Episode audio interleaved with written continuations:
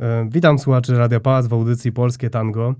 Ja nazywam się Wojciech Mulik, a dzisiaj porozmawiamy o szeroko rozumianej wolności w mediach. Czy ograniczają ją korporacje, upolitycznienie, a może tak zwana Rzeczpospolita Tłustych Kotów? Naszym gościem jest dzisiaj Konrad Piasecki, dziennikarz TVN24. Witam serdecznie. Dzień dobry, witam. Jedną z istot dzisiejszego sporu jest to, mm, czy dziennikarze i społeczeństwo powinni oceniać te same zachowania w różnych obozach politycznych jedną miarą. Tomasz Lis powiedział, że symetryzm jest koniunkturalizmem. Czy symetryzm, co oferuje symetryzm w dzisiejszym dziennikarstwie politycznym? Problem z tym symetryzmem jest problem po pierwsze definicji. Właściwie nie ma dobrej definicji symetryzmu. Kiedyś e, Mariusz Janicki w, w, w polityce stworzył to, stworzył to, to hasło, czy stworzył ten, ten, ten, ten, ten, ten, to, to słowo. E, które wcześniej istniało, ale nie było przykładane do dziennikarstwa. I, i symetryzm w jego definicji był przypisywaniem rządzącemu Prawu i Sprawiedliwości podobnych czynów, czy poszukiwanie podobnych czynów w wykonaniu Platformy Obywatelskiej czy rządów poprzedników i przeciwstawianie każdego grzechu PiSu e, jakiegoś grzechu e, Platformy. Nie, nie, ja nie umiem się do końca zderzyć z tą definicją. Uważam, że dziennikarz powinien mieć dobrą pamięć i nie powinien zapominać, że przed 2015 rokiem ktoś w Polsce rządził i być może też w jakichś sprawach błądził, wobec czego nie miałem w ostatniej kawie na ławę dyskusję o energetyce jądrowej. No i y, trudno mi się jednak zgodzić z tym, że w sprawie energetyki jądrowej i tego, że zaniedbaliśmy tę energetykę jądrową, grzechy na sumieniu ma wyłącznie Prawo i Sprawiedliwość, bo pamiętam, że w czasach y, rządów PO-PSL też się o energetyce jądrowej mówiło i też się niewiele w tej sprawie zrobiło. Zresztą to jest temat dłuższy, więc y, po, po pierwsze to jest problem definicji tego, czym jest symetryzm. Jeśli symetryzm jest próbą e, zachowania dystansu, jeśli jest próbą oceny e, wydarzeń, oceny faktów, oceny postępowania polityków e, w, mm, bez jak, jakiegoś za, zacietrzewienia politycznego czy partyjnego, jest takim próbą zachowania świeżego spojrzenia na politykę, to ja się pod takim, pod takim symetryzmem podpisuję. Natomiast ja przeciwstawiam się uznawaniu, że symetryści, czy znaczy jeśli ja miałbym zostać uznany za symetrystę, to przeciwstawiam się e, takiemu uznawaniu, że symetrysta to jest e, e, to jest ktoś, kto mówi, że prawda zawsze leży po środku. Nie, oczywiście prawda nie leży po środku, prawda leży tam, gdzie leży, ale ja, ja traktuję swoją misję dziennikarską jako wskazywanie, gdzie leży prawda i uznanie, że ta prawda może leżeć po różnych stronach barykady. Czyli y, pana redaktora zdaniem symetryzm to jest przykładanie jednej miary do tych samych zachowań u różnych ludzi. Niezależnie od sympatii politycznych.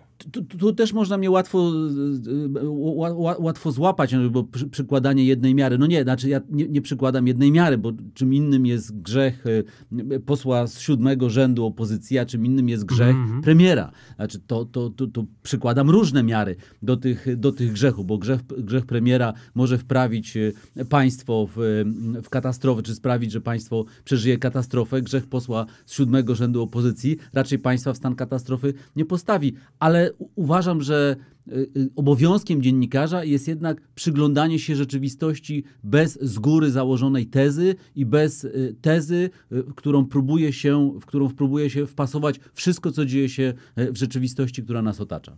Tutaj jednak wpasuje teza, że Odra przecięła Polskę na pół i wpisała się w, Odrę, e, w wojnę plemienną, która toczy się w Polsce. Moim zdaniem niewielu zależało na odkryciu prawdy. Szczególnie, że już na samym początku był taki jasny podział na e, obozy zajmujące konkretne stanowiska. Bardziej zajmowano się wyszukiwaniem kozła ofiarnego. Z jednej strony Trzaskowski i Czajka, a z drugiej PiS i Odra. Czy to pokazało nam istotę e, polaryzacji? Kaczyński nocą truje ryby, a Trzaskowski przecina rurociągi? No, no to coś w tym jest. Znaczy, wszystko w Polsce dzisiaj jest wpisane w spór polityczny. I zanieczyszczenie czy katastrofa ekologiczna na Odrze natychmiast też została w ten spór polityczny bardzo ostro wpisana przez jedną i przez drugą stronę politycznego sporu. Sam się zresztą też jakoś dałem w nią wpisać, bo też zadziwiały mnie, e, zadziwiały mnie e, takie mm, bardzo bym powiedział powolne, pasywne działania władzy w tej sprawie. Znaczy ja sobie wyobrażałem, że jeśli te kolejne tony ryb wypływają w Odrze, no to tam musi się dziać coś złego. Czy nazwiemy to rtęcią, czy nazwiemy to jakimkolwiek innym zanieczyszczeniem, zasoleniem, czy w końcu złotymi algami, no to w tej Odrze bez wątpienia coś złego się działo. Ja bym oczekiwał od rządzących, że oni w tej sprawie jednak będą działali bardziej dynamicznie, nawet gdyby na koniec miało się okazać, że mm, to, co wydarzyło się w Odrze, było katastrofą, którą trudno było przewidzieć, e, której trudno było zapobiec i że nawet jeśli jakiś błąd ludzki stał za tą, za tą katastrofą ekologiczną, to był, był to błąd, e, który nie był błędem na pewno e, celowym, a nawet był błędem trudnym do przewidzenia, o trudnych do przewidzenia konsekwencjach. Ale ja miałem poczucie, że jedni się zachowywali pasywnie i, i, i, i, i jakby udawali, że nic się nie dzieje, drudzy z kolei bardzo szybko rzekli, co się dzieje i wszystko to tak, było oczywiście wpisane w spór polityczny, bardzo charakterystyczny dla Polski roku 2022 ale bardzo charakterystyczne dla tego sporu jest też to, że opozycja zajęła miejsce święcie oburzonych, wielu zdaniem słusznie w związku z opieszałością władzy. Natomiast e, cichą, e, cichym tematem tej sprawy jest to, że w zeszłym roku na przykład odkryto 7 tysięcy e, nielegalnych, nielegalnych rur nieczystości do rzek w Polsce i kiedy temat schodzi na przykład na wykorzystywanie przez firmy rzek, to wtedy obie strony sporu razem milkną i temat nie idzie w tą stronę. No tak, no bo to jest polski, to jest ten, ten, ten, to polskie bajorko czy polskie piekiełko, w którym wszystko najpierw jest wpisywane w kontekst polityczny, a dopiero potem jest analizowane i analizowane są rzeczywiste przyczyny. Więc y, ja y, y, mogę tutaj różne grzechy różnym stronom e, politycznej, politycznej barykady mm, przy, przypisać, czy różnymi grzechami obdzielić przy okazji sprawy e, Odry. Aczkolwiek na koniec mam w sobie zadziwienie, że rządzący w tej sprawie byli tak e, pasywni, tak powolni i tak bardzo zrzucający, znaczy najpierw, najpierw mówiący o tym, że na pewno mamy do czynienia z zanieczyszczeniem e, chemicznym przez, jakiś, e, przez jakąś firmę, a na koniec mający, e, mają, mają pretensje do kogokolwiek, kto mówił o zanieczyszczeniu czy katastrofie ekologicznej spowodowanej przez człowieka, że podnosił to w ten sposób, bo twierdzą dzisiaj, że wszystko to było absolutnie naturalne i nie do zapobieżenia. Żyjemy dzisiaj w śniętym państwie, które najbardziej zatruwa polaryzacja. Widzowie chociażby telewizji publicznej płyną przez tą krainę do góry brzuchem przez brak dostępu do rzetelnej informacji. Znaczy ja się nie, znaczy, co do słowa, czy do sformułowania o, o problemie polaryzacji w Polsce, Polaryzacja tak naprawdę występuje w niemal wszystkich społeczeństwach y, y, świata demokratycznego. I jak y, w Stanach Zjednoczonych człowiek jedzie przez Stany Zjednoczone i włącza różnego rodzaju rozgłośnie radiowe, to słyszy, jak bardzo te Stany Zjednoczone są spolaryzowane. Jak rozmawia z Amerykanami, to, to słyszy od nich, jak bardzo są oni spolaryzowani. Jak włączy CNN i Fox i to widzi, jak bardzo y, w różny sposób definiowane są problemy amerykańskie i, i, i, jak bardzo spolaryzowany jest tamten świat. I w, y, spotkamy się z tym we Francji, w Wielkiej Brytanii, w Niemczech. Wszędzie ta polaryzacja jest silna. Pytanie, czy w Polsce ona jest silniejsza niż gdzie indziej. Jak porównam to sobie ze Stanami Zjednoczonymi, to nie mam takiego poczucia. Ale polaryzacja w Polsce oczywiście jest faktem. Nie uznałbym, że jest największym polskim problemem, bo znacznie większym problemem są, y, jest kondycja ekonomiczna Polski, stan jej finansów publicznych, y, przygotowania, czy właściwie nieprzygotowania do zimy i, y, i, i, i to, co dzieje się w sferze surowcowej i energetycznej. To są rzeczywiste problemy. Polaryzacja oczywiście gdzieś tam jest w tle, ale wszelkie zawołania o tym, że zwalczymy polaryzację i wszyscy politycy, którzy mówią, że, że oni przychodzą do polityki po to, żeby tę polską polaryzację zwalczyć, wydają mi się śmieszne, bo Polska jest y, i, i, i Polska i Polacy, albo, albo, inaczej, Polacy są spolaryzowani jak świat światem i jak Polska Polską. Jak się zaczynał wykształcać naród y, y, polski, to byli, to byli pozytywiści i romantycy, byli lojaliści i powstańcy, potem byli piłsudczycy i endecy, e, e, socjaliści, e, socjaliści i endecy, właśnie potem byli komuniści i antykomuniści. Dzisiaj akurat ten spór układa się po linii PiS i reszta świata, albo PiS, Platforma Obywatelska paręnaście lat temu układał się po linii postsolidarność, e, postkomuna, więc polaryzacja chyba jest e, wpisana w, w nasze DNA i bez polaryzacji trudno by nam było żyć. To jest na pewno, to jest na pewno domena wielu krajów na świecie.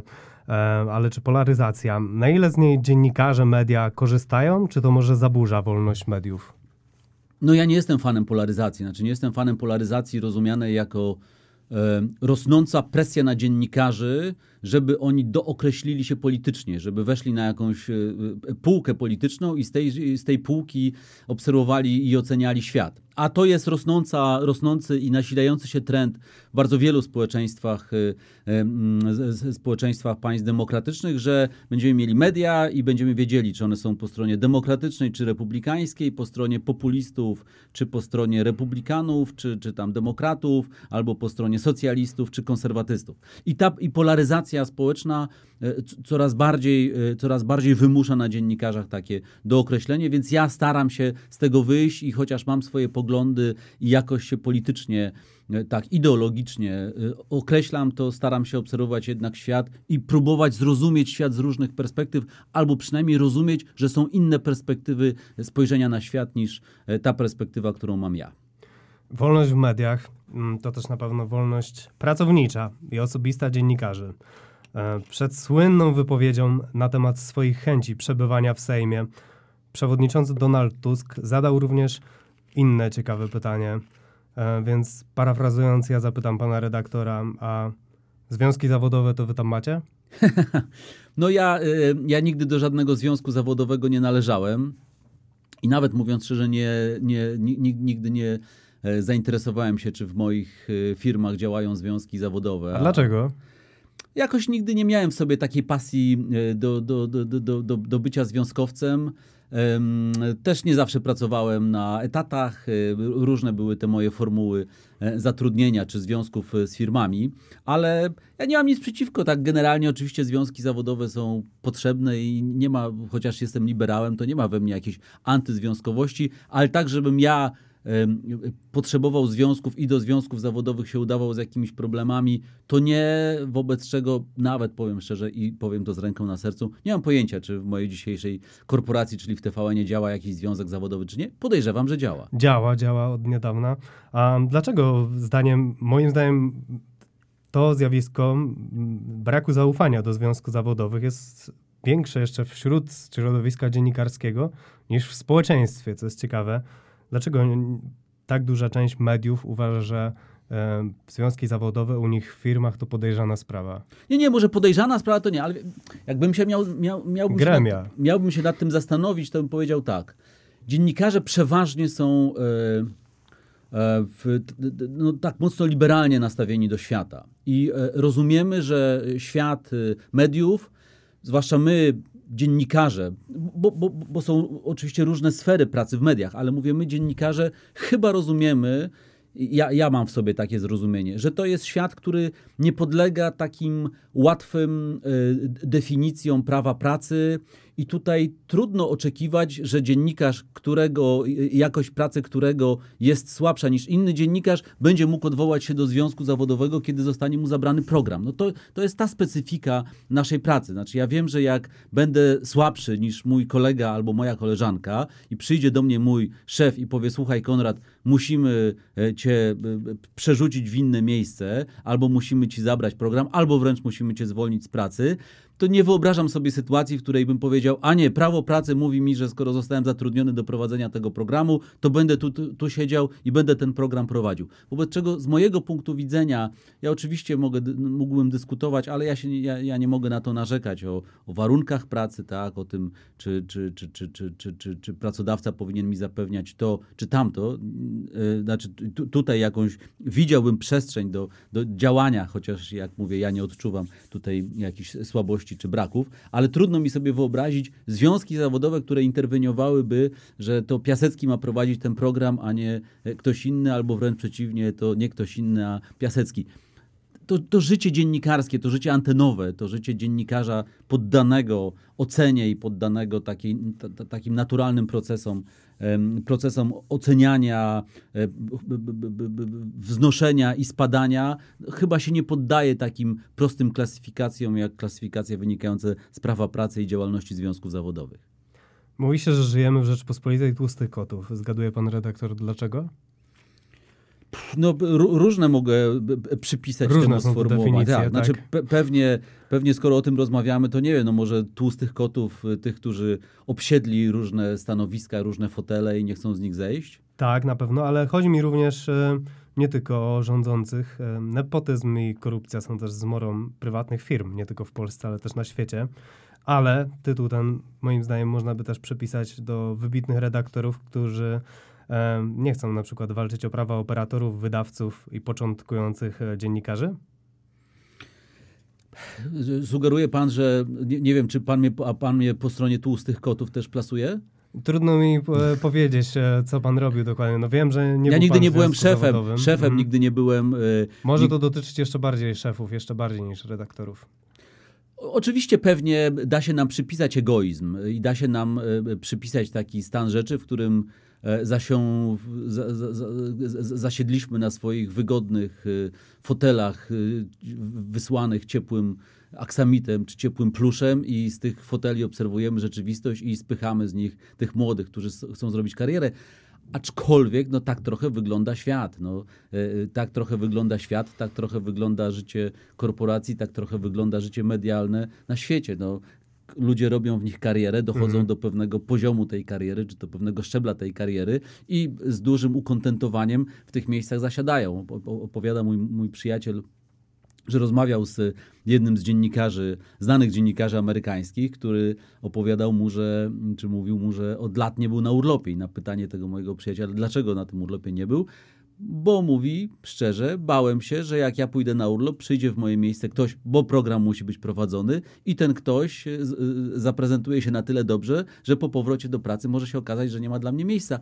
No, to, to, to, to, jest życie. Znaczy, nie, nie za bardzo sobie wyobrażam, jakby to mogło inaczej wyglądać. Znaczy, żebyśmy, że, jak, jak mogłoby wyglądać to, że, że starsi dziennikarze e, z dobroci serca ustępują miejsca młodym i sami idą na wcześniejsze emerytury, żeby tylko ci młodsi mogli zrobić karierę. Ale oczywiście ja też dostrzegam, jak trudno jest dzisiaj wejść do zawodu, jak trudno jest zająć w nim e, stanowisko, jak pewnie ci młodzi wchodzący borykają się z e, przeciwnościami losu i z trudnymi wyzwaniami e, mm, mm, mm, sytuacji, w której zarabiają mało, a oczekuje się od nich e, dużej pracy. Ale ja też tak zaczynałem. Znaczy, ja nie jestem wolny od tego. Ja też zaczynałem swoją pracę, jak pracowałem czy w Radiu Kolor, czy w RMF-ie, też pracując po kilka, kilkanaście godzin, e, po kilkanaście godzin, tak, po kilkanaście godzin na dobę i też zarabiając niespecjalnie wielkie pieniądze. To jest trochę droga, którą każdy musi przejść, ale oczywiście mm, faj, fajnie i lepiej jest przechodzić ją szybciej niż y, y, dłużej. Mając na myśli tłuste koty, miałem też na myśli tych wysoko postawionych właścicieli, wydawców, dziennikarzy, którzy na przykład są otwarcie przeciwko związkom zawodowym w ich firmach, e, osiągając pewną pozycję.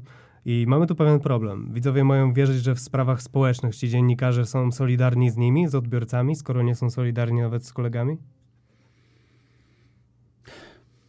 Czy też solidarność w sprawach społecznych też jest dla mnie, y, też jest dla mnie mm, jakimś tematem do dyskusji. Znaczy, nie wiem, bo taka y, solidarność społeczna rozumiana zbyt prosto, żeby nie powiedzieć Mhm. prostacko, też moim zdaniem prowadzi nas na manowce. Znaczy, oczywiście dziennikarz musi czuć puls społeczny i musi, musi rozumieć, z jakimi problemami borykają się ludzie, natomiast nie może być też rzecznikiem powszechnego rozdawnictwa i rozrzuca, rozrzucania pieniędzy z helikopterów, więc to też wszystko musi być zdroworozsądkowe. Pewnie, że można nam przypisać właśnie taki, taki darwinistyczny trochę sposób myślenia o, o pracy, o świecie, że myśmy tutaj spali w redakcjach, e, kiedy byliśmy dwudziestoparolatkami, więc teraz oczekujemy od dzisiejszych dwudziestoparolatków, że też będą w tych redakcjach spali i mało e, zarabiali. Tak trochę e, wszyscy zaczynaliśmy i też e, i, i, i, i, i, pewnie w związku z tym mamy trochę mniej solidarności, czy mniej poczucia,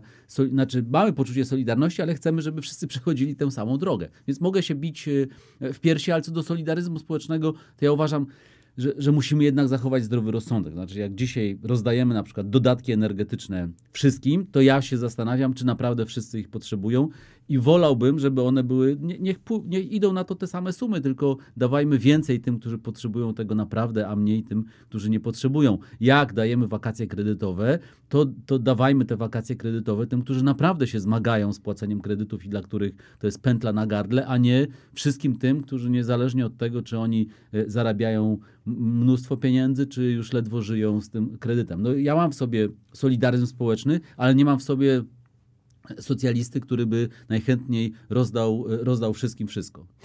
To są propozycje wyborcze. Niekoniecznie nazwałbym je właśnie socjalizmem. To są propozycje wyborcze. E, Niekoniecznie dobre. Niekoniecznie dobre. E, za granicą przykładowo. Francuzi też, ale mam pewien problem z tym, ile my strajkujemy. To problem nie dotyczy tylko mediów, problem dotyczy w ogóle kraju i nie przywołuje tutaj jakichś e, lewicowych frakcji, tylko po prostu za granicą. Francuzi strajkują dwa razy częściej niż Polacy. Pracują 7 godzin dziennie, wbrew opinii u nas neoliberałów na ten temat. 17% Holendrów jest też w związkach zawodowych. Dawny zryw e, Solidarności, piękno i wewnętrzna odwaga zamieniły się w strach i korporacyjne posłuszeństwo. To ma coś wspólnego z upadkiem komuny?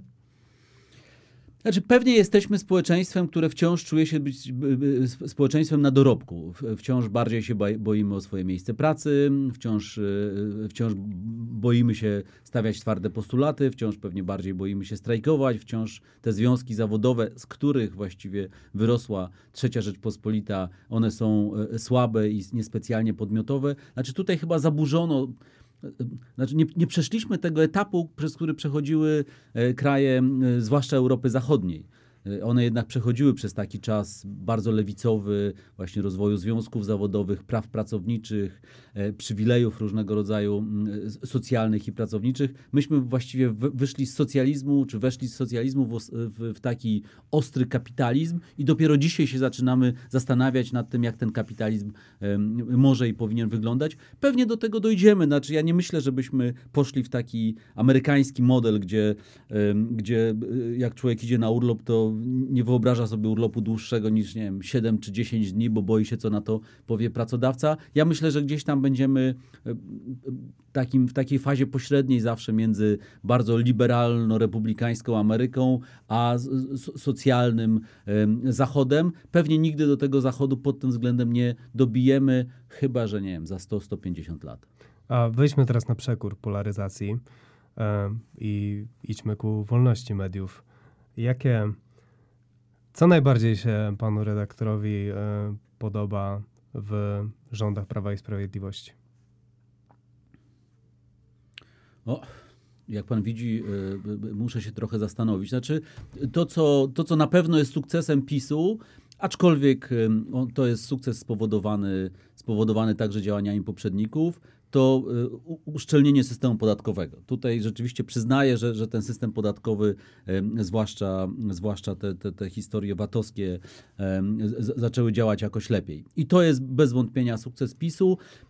Uważam, że część programów socjalnych nie była źle pomyślana, aczkolwiek ja bym te programy socjalne też różnicował. Znaczy 500 plus jest dobrym pomysłem, zapewne, zapewne dla bardzo wielu rodzin albo nawet nie zapewne, bo tak jest, dla, dla, dla bardzo wielu rodzin to jest, e, to, to, to jest zmiana jakości ich życia i to znamionuje czy determinuje zmianę jakości ich życia, ale znowu patrzę na, e, na swoich przyjaciół czy znajomych, którzy biorą 500 plus i na przykład odkładają je na kubkę, żeby dać dzieciom na 18 urodziny sumę, które z tego, suma, sumę, która z tego 500 plus zostaje, zostanie zebrana. No i, i wtedy mam poczucie, że nie, to nie, nie tak to powinno wyglądać. Znaczy, aż taka powszechność w tym 500 plus nie wydaje mi się być rozsądna. Ale to bym PiSowi przyznał, że oni tutaj z takim większym pewnie słuchem społecznym niż ich e, poprzednicy i z lepszą sytuacją budżetową e, wywołali czy, czy, da, czy dali, dali e, instrument, który obawiało się wielu, że to będzie bardziej ryba, on się okazał nie tylko rybą, trochę też wędką i takim aspiracyjnym programem. Więc to E, to ok, ale też e, bardzo wiele, bardzo wiele rzeczy bym e, krytykował, ale rozumiem, miałem chwalić, więc za to, za to tak, za to pochwalę, czy za coś jeszcze, no tu miałbym problem. No, żeby utrzymać równowagę, może, może pan redaktor też skrytykować za coś Prawo i Sprawiedliwość. Mm. to za mnóstwo, począwszy od traktowania mediów y, przez politykę zagraniczną, której zupełnie nie rozumiem i która uważam, że jest wewnętrznie sprzeczna. No mogę pochwalić jeszcze za y, zdecydowanie w sprawie Ukrainy. Znaczy tutaj dobrze zdefiniowano polską rację stanu, i, a, aczkolwiek to jest chyba ponad, w dużej mierze ponadpartyjne. Y, Ale polityka zagraniczna poza tą kwestią ukraińską uważam, że jest y, polityką przedziwną, zwłaszcza wobec Unii Europejskiej mm, i polityka, polityka gospodarcza, w której mnóstwo się mówi i zapowiada, a niewiele się robi, e, też nie przypada mi e, do gustu i taka gi- gigantomania w słowach i mi, minimalność w czynach też dostrzegam, dostrzegam, że właściwie jakby tak wyrząć te rządy Prawa i Sprawiedliwości z tych wszystkich obietnic, które składali, to właściwie niewiele by zostało i, e, i to, co, to, to, to o, o- czym politycy PiSu zawsze powiedzą, to jest 500, to jest uszczelnienie systemu podatkowego, no i przekop przez Mierzeję Wiślaną. Zobaczymy, czy ten przekop ku czemu, do, do czegokolwiek doprowadzi. Budowa Pałacu Saskiego za 2,5 miliarda. No, to, ale to, ten pałac Saski naprawdę, znaczy, nie, nie, nie, wydaje mi się, żeby w dzisiejszej sytuacji, e, choć wa- warszawiakiem jestem z dziada pradziada, nie wydaje mi się, żeby brak pałacu Saskiego był jakim, jakąś główną bolączką e, Warszawy. Mm, Mi się nawet ten plac Piłsudskiego taki taki wolny i, i przestronny. Podoba ten Pałac Saski absolutnie to, to zburzy i zburzy połączenie między Placem Piłsudskiego a Ogrodem Saskim, które mi się też podoba i które lubię. Więc ja nie jestem jakimś wielkim entuzjastą No no właśnie, Pałacu a Saskiego. W architekt- odróżnieniu od Pałacu Mhm. Kultury, który, który lubię i bardzo bym nie chciał, żeby został zburzony. No właśnie, architekci podkreślają, że, em, że jednak zaburzy to żywy pomnik pamięci z Pałacem Saskim. Mm, natomiast kończąc temat strajków, Prawo i Sprawiedliwość przygotowało nowelizację ograniczającą prawo do strajków. Teraz głównie strajkować będzie mogła Solidarność. Kryzys energetyczny, inflacja. Można tu w pewien sposób połączyć kropki. E, Co ciekawe, w majestacie tej nowe, nowelizacji strajki z lat 80. w stoczniach też nie mogłyby dzisiaj się odbyć. E, Czy widzi pan redaktor jednak pewną sprzeczność między świętym oburzeniem, a tym, że ci redaktorzy sami nie chcą być w związkach zawodowych? Nie, nie, nie, niekoniecznie, e, niekoniecznie to jest tak, że trzeba, e, że trzeba uczestniczyć w jakimś proce, procesie, e, o którym się pisze, mówi. Można nie być w, zwią- w związkach zawodowych, a jednocześnie związki zawodowe chwalić. Można wiem, b- b- być przeciwnikiem osobistym aborcji, ale dopuszczać e, liberalne prawo aborcyjne. Można być e, heteroseksualnym, a jednocześnie uważać, że homoseksualne małżeństwa powinny być w prawie dopuszczone. Znaczy nie, nie uważam, żeby tutaj należało tak e, wszystkich rozliczać, że jak pan może być za związkami zawodowymi, jeśli pan nie jest w związku, albo jak pan może być za małżeństwami homoseksualnymi, nie będąc homoseksualistą. No więc, no więc mogę. E, Natomiast co do, co do ograniczania prawa do strajku, nie, nie, nie uważam, żeby w Polsce prawo do strajku było nadmiernie wykorzystywane i jakoś e, wyko, wykoślawione, więc tutaj bym prawa nie zmieniał. Em, A co dzisiaj możemy określić jako największe zagrożenie dla wolności mediów, tych prywatnych? No, kontynuując to, co powiedziałem do tej pory, bez wątpienia partia rządząca ma zakusy na przejęcie mediów. I to jest rzecz bezdyskusyjna. Widzimy, co stało się w Polska Press. Orlen kupił Polskę Press i przerobił ją na swoją modłę i gazety Polski Press dzisiaj piszą tak, jak chce tego partia rządząca, a na pewno nie, nie, nie, nie tej partii rządzącej e, nie, nie, nie, specjalnie, e, nie, specjalnie, nie specjalnie ją krytykują, czy nie specjalnie ją, jej chcą coś uszczknąć. Więc e, to jest bez wątpienia zagrożenie. E, Widać to też w mediach publicznych, które partia rządząca i rządzący tymi mediami absolutnie skarykaturalizowali. Mm, Tutaj Jacek Kurski położył w tej sferze i w tej dziedzinie wielkie zasługi. E, Widać to po różnego rodzaju zakusach, takich jak Lex TVN, y, które no było, y, też właśnie nikt nie ukrywał, że chodzi o, o jedną telewizję i o ograniczenie jej y, własności, a- własności amerykańskiej w niej, co też wydaje mi się z punktu widzenia takiego geopolitycznego absurdem.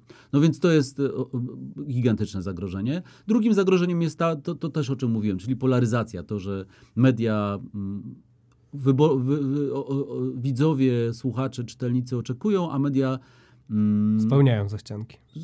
co, coraz trudniej im się, y, coraz trudniej im tym, y, coraz trudniej się oprzeć tym zachciankom.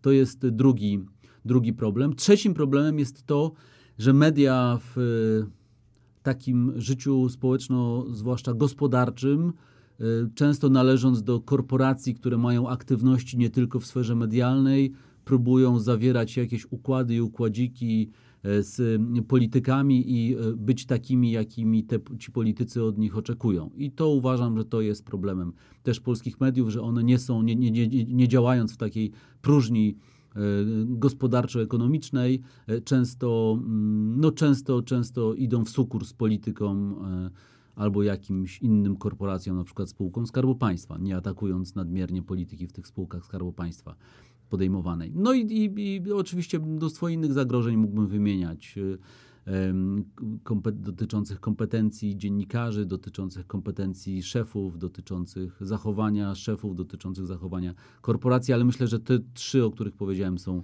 najważniejsze. I do nich przejdziemy też. E, przejdziemy najpierw do kondycji mediów i relacjonowania wydarzeń. E, mam tutaj, że tak powiem, kilka uwag. Z powodu zakazu wchodzenia w strefę przygraniczną z Białorusią, prawie żadna redakcja nie wysyła tam teraz swoich ludzi. Kara za wejście wynosi 500 złotych. Stać na to każde medium. A ludzie na granicy wciąż umierają. Mediom jednak nie przeszkadza wysyłanie swoich dziennikarzy na wojnę na Ukrainę, gdzie spadają bomby. News, y, pogoń za nowszymi wydarzeniami stała się ważniejsza od wartości? Może Kaczyński zrobił dzisiaj głupią minę? No nie, no to, jest, to, to nie jest taka prosta sprawa. Mhm. To nie jest taka prosta sprawa, bo, bo tutaj, y, jak pan mówi, że zagrożone jest to karą 500 zł, ale jest to zarazem jawne łamanie pewnego zakazu. Znaczy, I to jest na długą dyskusję, czy media mają E, prawo i mogąc w obronie, mm, w obronie znaczy, no, no, no, no, czegoś, co uznają za wartość ważniejszą, w jawny sposób łamać zakazy nałożone przez, e, nałożone przez państwo. To jest na długą, do, do długiej dyskusji. Oczywiście pewnie znaleźlibyśmy wiele argumentów za, ale też trochę argumentów przeciw. Więc wojna w Ukrainie to jest zupełnie inna historia niż taki, niż taki zakaz. I to nie, nie uznaję, że to... Znaczy, można to uznawać za jakiś wiem, oportunizm mediów, tak? czy, czy strach mediów, ale to nie jest taka prosta sprawa. W jawny sposób powiedzieć swoim e, widzom, słuchaczom, czytelnikom, jest prawo, a my nie będziemy tego prawa przestrzegać, bo my uważamy, że nasze spojrzenie na tę rzeczywistość jest ważniejsze od tego prawa. W szczycie pandemii, zdaniem władzy, dziennikarze łamali prawo tworząc nielegalne zgromadzenia, relacjonując niektóre wydarzenia. Zdarzały się takie sytuacje, że policja próbowała interweniować w szczycie pandemii wobec dziennikarzy, na przykład dziennikarzy z operatorem, że jest to nielegalne zgromadzenie. No, no ale tam tego jawnego łamania prawa nie było. Nie no, to jawnym łamaniem prawa byłoby to, gdyby w szczycie pandemii media wzywały do, do demonstrowania. No to mhm. byłoby jawne łamanie prawa. Natomiast sytuacja, w której jest coś, co wedle rządzących prawo łamie, a dziennikarze to relacjonują, nie, to, to nie jest to samo, znaczy to nie jest łamanie prawa. Wedle mojej interpretacji, mm-hmm. przepraszam, tak, powiedziałem tak. to autorytatywnie, ale wydaje mi się, że, że, że jak dziennikarz opisuje czy pokazuje, e, pokazuje coś, co zdaniem rządzących jest złamaniem prawa, e, no, no, no to wykonuje swoją robotę. Natomiast gdyby nawoływał do tego łamania prawa, no to moglibyśmy dyskutować o tym, na ile ma ku temu e, przesłanki. To jak daleko może posunąć się dziennikarz e, w wykrywaniu, mm, czy władza łamie prawo? Nie, może daleko. Znaczy, jeśli, jeśli ma przekonanie, że łamie prawo, e, jeśli jest w stanie to uargumentować, jeśli e, podejmuje taką decyzję i ma ku temu silne przesłanki, to ma do tego prawo. I nawet jeśli, nawet jeśli spotka się to z, nawet jeśli spotka się to z sankcjami, ale no, py pytanie jest zawsze takie, do czego to łamanie prawa do, doprowadzi, znaczy na ile on pokaże rzeczy, które warte były tego złamania prawa. E, jeżeli chodzi o zagrożenia też dla wolności i dla mediów, nad wybitnych e, redaktorów w ostatnim czasie nadleciała kometa. E, czy można to nazwać przemianą kulturową? Piotr Kraśko, Tomasz Lis, Kamil Durczok. Niczego się nie nauczyliście? Oj, to każda z tych historii jest inną historią. Wymienił pan jakie nazwiska? Piotr Kraśko, Tomasz Lis, Kamil Durczok. Mhm. E, sprawa, no Kamil Durczok nie żyje, wolałbym mhm. b, b, o, o, nim nie mówić, e, wolałbym o nim nie mówić w związku z tym, że, że cokolwiek powiem będzie mówieniem o osobie nieżyjącej, która nawet nie, nie jest w stanie się skonfrontować z tym, co powiem. E, z Tomkiem Lisem nigdy nie pracowałem, też nie mam osobistych doświadczeń. W jego sprawie. Wydaje mi się, że zarzuty podniesione w jego sprawie są, są poważne, brzmią bardzo poważnie i oczekiwałbym, że firma, w której pracował, jakoś się z nimi upora, chociaż się jakoś uporała, bo powiedziała to, co powiedziała. Piotr Kraśko jest chory po tym wszystkim, co się wydarzyło. Też y, myślę, że, że jeśli będzie wracał na antenę, jakoś to wszystko opowie, wyjaśni to, to, to wszystko, co się e, działo. Na pewno to, to nie, ma, nie, nie ulega wątpliwości, że obserwujemy sytuację, w której kilku, kilkoro dziennikarzy, którzy wydawali się przez lata e, takimi ostojami e, czy wyroczniami polskiego dziennikarstwa, popadło w kłopoty. E, czy one są, czy one mają jakiś głębszy, na przykład polityczne, czy mają głębsze polityczne tło, no to każdemu już zostawiam, zostawiam tutaj ocenę. Nie zawsze bym się, nie, nie zawsze bym się podpisał pod taką tezą, ale czasami mam wrażenie, że ktoś bardzo próbuje w niektórych sytuacjach pomóc pomóc rzeczywistości, żeby ona dziennikarzom przysporzyła kłopotów. A czy mobbing był pokoleniowym doświadczeniem e, dziennikarzy do niedawna w Polsce? Na pewno, kiedy wchodziliśmy w ten zawód, standardy, standardy zachowań, zwłaszcza w mediach, ale myślę, że też w, firmach czy korporacjach były inne. I y, zgodziliśmy się na znacznie więcej w imię tego, że uznawaliśmy, że tak powinny wyglądać, czy tak może wyglądać praca w mediach.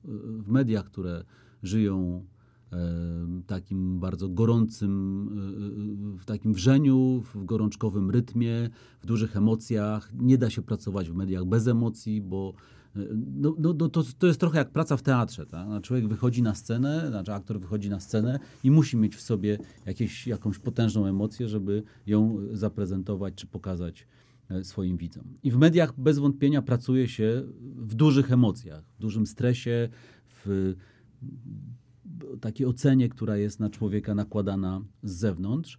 I pewnie to wszystko sprawiało, że wyobrażaliśmy sobie, że, nasze, że, że, ta, że ta praca musi wyglądać też tak, że w relacjach szef, podwładni, mistrzowie, uczniowie trochę panuje taki, taki system karbowy. Ja powiem szczerze, ja nie mam poczucia, żebym ja się spotkał w mojej pracy z czymś takim jak mobbing, a pracuję w dziennikarstwie przez 30 lat. Miałem szefów, którzy byli bardzo radykalni w ocenach, bardzo surowi albo bardzo tacy intensywnie wyrażający swoje oceny, ale też i to rozgraniczam. Zawsze miałem poczucie, że tak jak oni są ostrzy w tych ocenach, tak, jak, ja, tak ja mogę być ostry w odpowiedzi na te oceny. Ale oczywiście historie, które słyszałem, słyszałem o tym, e, jak wyglądały standardy pracy w innych redakcjach, pozwalają mi powiedzieć, tak, polskie dziennikarstwo lat 90. i nie tylko 90., bo to się przesunęło w wielu redakcjach na, na lata późniejsze, polskie e, dziennikarstwo było skażone jakąś e, taką sytuacją, w której o mobbingu można mówić i była to sytuacja niezdrowa i tak bez wątpienia, jak słyszę tę historię, dziennikarstwo i w ogóle jakakolwiek praca w jakiejkolwiek firmie nie powinna wyglądać. A czy teraz e, w mediach spotyka się Pan z dobrze funkcjonującymi e, działaniami antymobbingowymi, czy to są raczej działania, które już e, człowiek napotyka, kiedy doświadczy mobbingu, a tak te gremia są niewidzialne w firmach trochę? Mm, muszę powiedzieć, że to na pewno się zmieniło i tutaj mm, taka wrażliwość pracodawców wszystkich działów HR-owych na, na mobbing jest znacznie e, większa. W firmach, dwóch ostatnich firmach, w których pracowałem, e, czyli Radio Z i TVN24, to i TVN w ogóle jako korporacja, z ręką na sercu powiem, że to naprawdę były firmy, które zwracały na tę sferę życia i tę sferę pracy i tę sferę działalności naprawdę sporą, przywiązywały do niej potężną wagę i zwracały na nią dużo, dużo uwagi. Więc y, tutaj na, w TVN-ie naprawdę mam wrażenie, że, że, że, że ta wrażliwość na jakieś takie zachowania mobbingowe jest y, potężna i mamy szkolenia, maile, jakby jesteśmy bardzo uwrażliwiani też na to, żeby zachowywać, e, żeby reagować na przypadki mobbingu e, i, e, a, a, a przypadki mobbingu, które się gdzieś tam są zgłaszane, są rozpatrywane bardzo poważnie, bardzo serio i jeśli ktoś ma z tym problem, to rzeczywiście firma nie pozostawia czy nie jest obojętna wobec takich zachowań. Więc tu, tu mam poczucie, że odrabiamy wszyscy e, i, i korporacje medialne o, o, o, odrabiają swoją robotę w sposób całkiem dobry. E, tak jak pan redaktor powiedział, e, dziennikarstwo to też walka o emocje. Czy te emocje sprawiły kiedyś, że po programie żałował pan nadmiaru swoich emocji? No pewnie, że tak. Znaczy, to, to, to jest tak, że człowiek zanim osiągnie jakiś spokój ducha i taką dobrze rozumianą rutynę w tym studiu, radiowym czy telewizyjnym, no to musi jakieś frycowe zapłacić. To, to, to, to bez tego się nie da. Znaczy, ileś razy się trzeba sparzyć, oby się sparzyć jak najmniej oby nie sparzyć się tak bardzo, że człowieka spali to sparzenie. Ale były takie sytuacje, w których za bardzo za bardzo podnosiły mnie emocje, za bardzo próbowałem wycisnąć z mojego gościa jakąś odpowiedź. On mnie sprowokował, ja się sprowokować dałem. Tak, to, to, to, to, to absolutnie i uczciwie powiem tak, zdarzyły się sytuacje, e, z których nie byłem potem dumny i które mogę opowiadać dzisiaj jako mniej czy bardziej wstydliwe anegdoty, ale też mam wrażenie, że żadna z tych sytuacji, no też nie mam wrażenia, bo wciąż pracuję w tym zawodzie, jestem tu, gdzie jestem, żadna z tych sytuacji na tyle nie obciążyła mnie i na tyle nie obciążyła mojego wizerunku, żeby, żeby przepaść i wpaść w, wpaść w przepaść po takiej sytuacji. Um co powie pan w związku z tym o ostatnim wywiadzie udzielonym, e, prowadzonym przez Kazimierza Szczukę? No, to, to, nie, to nie było dobre. No, to, to, to, to nie, nie, trzeba być dziennikarzem, nie trzeba tego robić od kilkunastu lat, e, nie trzeba robić przez kilkanaście lat wywiadów, żeby móc to ocenić. To nie jest dobre e, i to nie było dobre, mm, ale też ja trochę we mnie jest takiego takiej niezgody na to, żeby się po takim pierwszym wywiadzie, nieudanym, no powiedzmy to sobie wprost, no mocno nieudanym. E, żeby a, aż tak ba, bardzo się sadystycznie, że tak powiem, znęcać nad, nad kimś, kto, komu się ta robota, komu się ta robota tak bardzo e, nie udała, a mam tymczasem poczucie, jak spojrzę dzisiaj w media społecznościowe, że kolejni dziennikarze postanawiają E, tej, tej nieszczęsnej Kazimierze Szczuce e, dorzucić do, do, do pieca swoje trzy grosze i, trochę jest tak, że ktoś, kto jeszcze nie napisał o Szczuce, musi coś o niej napisać, bo uważa, że to jest jego, jego obowiązkiem. No więc aż tak to, aż, znaczy nie, nie, nie podoba mi się to i aż tak bym tego nie wałkował kolejny dzień i, i jak już jest tam 7 tysięcy wpisów na Twitterze, to nie uważam, żeby każdy dziennikarz musiał dokładać swój 7 tysięcy, 7 tysięcy pierwszy, drugi, trzeci e, i czwarty. No właśnie, że nie jest tak, że większość dziennikarzy doświadczonych robi to samo, tylko w bardziej cywilizowany, kulturalny sposób. Znaczy co samo, czyli pani, co? co zrobiła pani Kazimiera? No nie, no tam, tam były takie błędy warsztatowe. No, no to nie, znaczy nie... przeniesienie tematu na rozmowy na inny temat, no tak naprawdę... No tak, ale, ale, ale można to robić zgrabnie, mhm. zgrabnie i można mniej zgrabnie. E, można pamiętać, że uchwała rządu była w 53, a nie w 52. Można pamiętać, że to było 6 bilionów 200 miliardów, a nie 6 biliardów.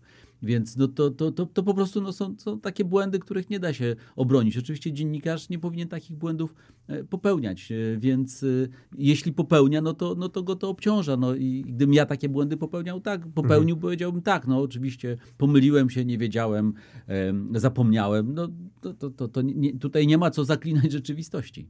Ale chyba, chyba mam wrażenie, że może nagromadzenie, nagromadzenie tych błędów jakoś, jakoś przydało temu wywiadowi dodatkowego fejmu, jak to się dzisiaj mówi, aczkolwiek to jest taki negatyw fame. To z pewnością. A czy ma pan redaktor wrażenie, że takie błędy, może nie aż takie, ale potrafią, e, zagrażają nawet bardzo doświadczonym redaktorom? Mogą się zdarzyć zawsze? Nie, no może pewnie, nie aż takie, ale... Pewnie, że się mogą. Mhm. Znaczy, pan, no jesteśmy, jesteśmy też ludźmi, którzy wstają, no ja, ja wstaję o porze dla wielu dosyć nieprzytomnej i w, jak wchodzę o 7.30 na antenę, to muszę być jednak na tyle pobudzony, rozbudzony, z odświeżoną pamięcią, że, że no, łatwo mi sobie wyobrazić, czy pewnie zdarzało się to wielokrotnie, że czegoś jeszcze w tej pamięci albo w ogóle nie było, albo czegoś w tej pamięci sobie nie odświeżyłem, albo nie potrafiłem tak szybko odkopać. Więc oczywiście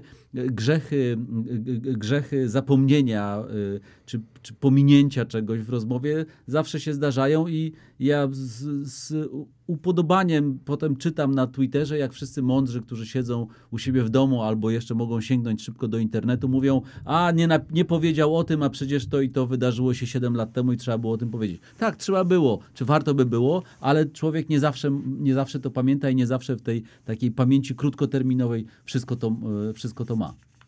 A na koniec, e, jak widzi pan przyszłość e, wolności dziennikarstwa w Polsce? Oj, to u- uważam, że tutaj prorokowanie jest szalenie trudne. Yy, Pytanie, kto będzie rządził za, za rok. Yy, Zresztą jak rozmawiam z politykami opozycji o ich planie na media, to mam wrażenie, że on się zupełnie jeszcze nie wykuł i nie wiem jak na przykład, yy, i, i oni nie są w stanie odpowiedzieć dzisiaj na pytania, na przykład jak sobie wyobrażają media publiczne, bo cokolwiek o nich powiedzieć, to jednak e, p- telewizja publiczna czy radio publiczne, zwłaszcza telewizja, radio, radio publiczne troszkę, tro, tro, troszkę e, e, e, osłabia się właściwie z każdym rokiem i, i perspektywa ostatnich lat, minionych lat, to jest perspektywa, w której radio właśnie przegrało kompletnie walkę z komercją. No ale telewizja publiczna, co by nie powiedzieć, jest w niezłej formie, także dlatego, że rządzący pomagają jej swoimi decyzjami dotyczącymi utrzymania nadawania tej telewizji publicznej. Więc y, pytanie o zdefiniowanie telewizji publicznej i o tym, jak ona będzie wyglądała w y, kolejnych latach, jest szalenie ważnym. I czy taki kanał jak TVP Info będzie istniał, czy nie będzie istniał,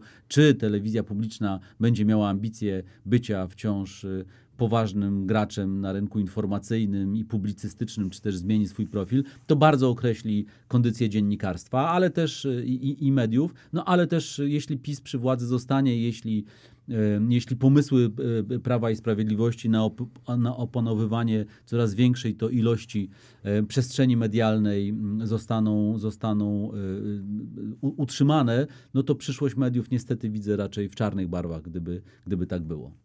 Bardzo dziękuję. Naszym gościem był dzisiaj Konrad Piasecki, dziennikarz TVN24. Dziękuję bardzo. E, Wysłuchaliście audycji Polskie Tango. Ja nazywam się Wojciech Mulika. Audycję realizował Krzysztof Tyczyński. Do usłyszenia w kolejnych odcinkach.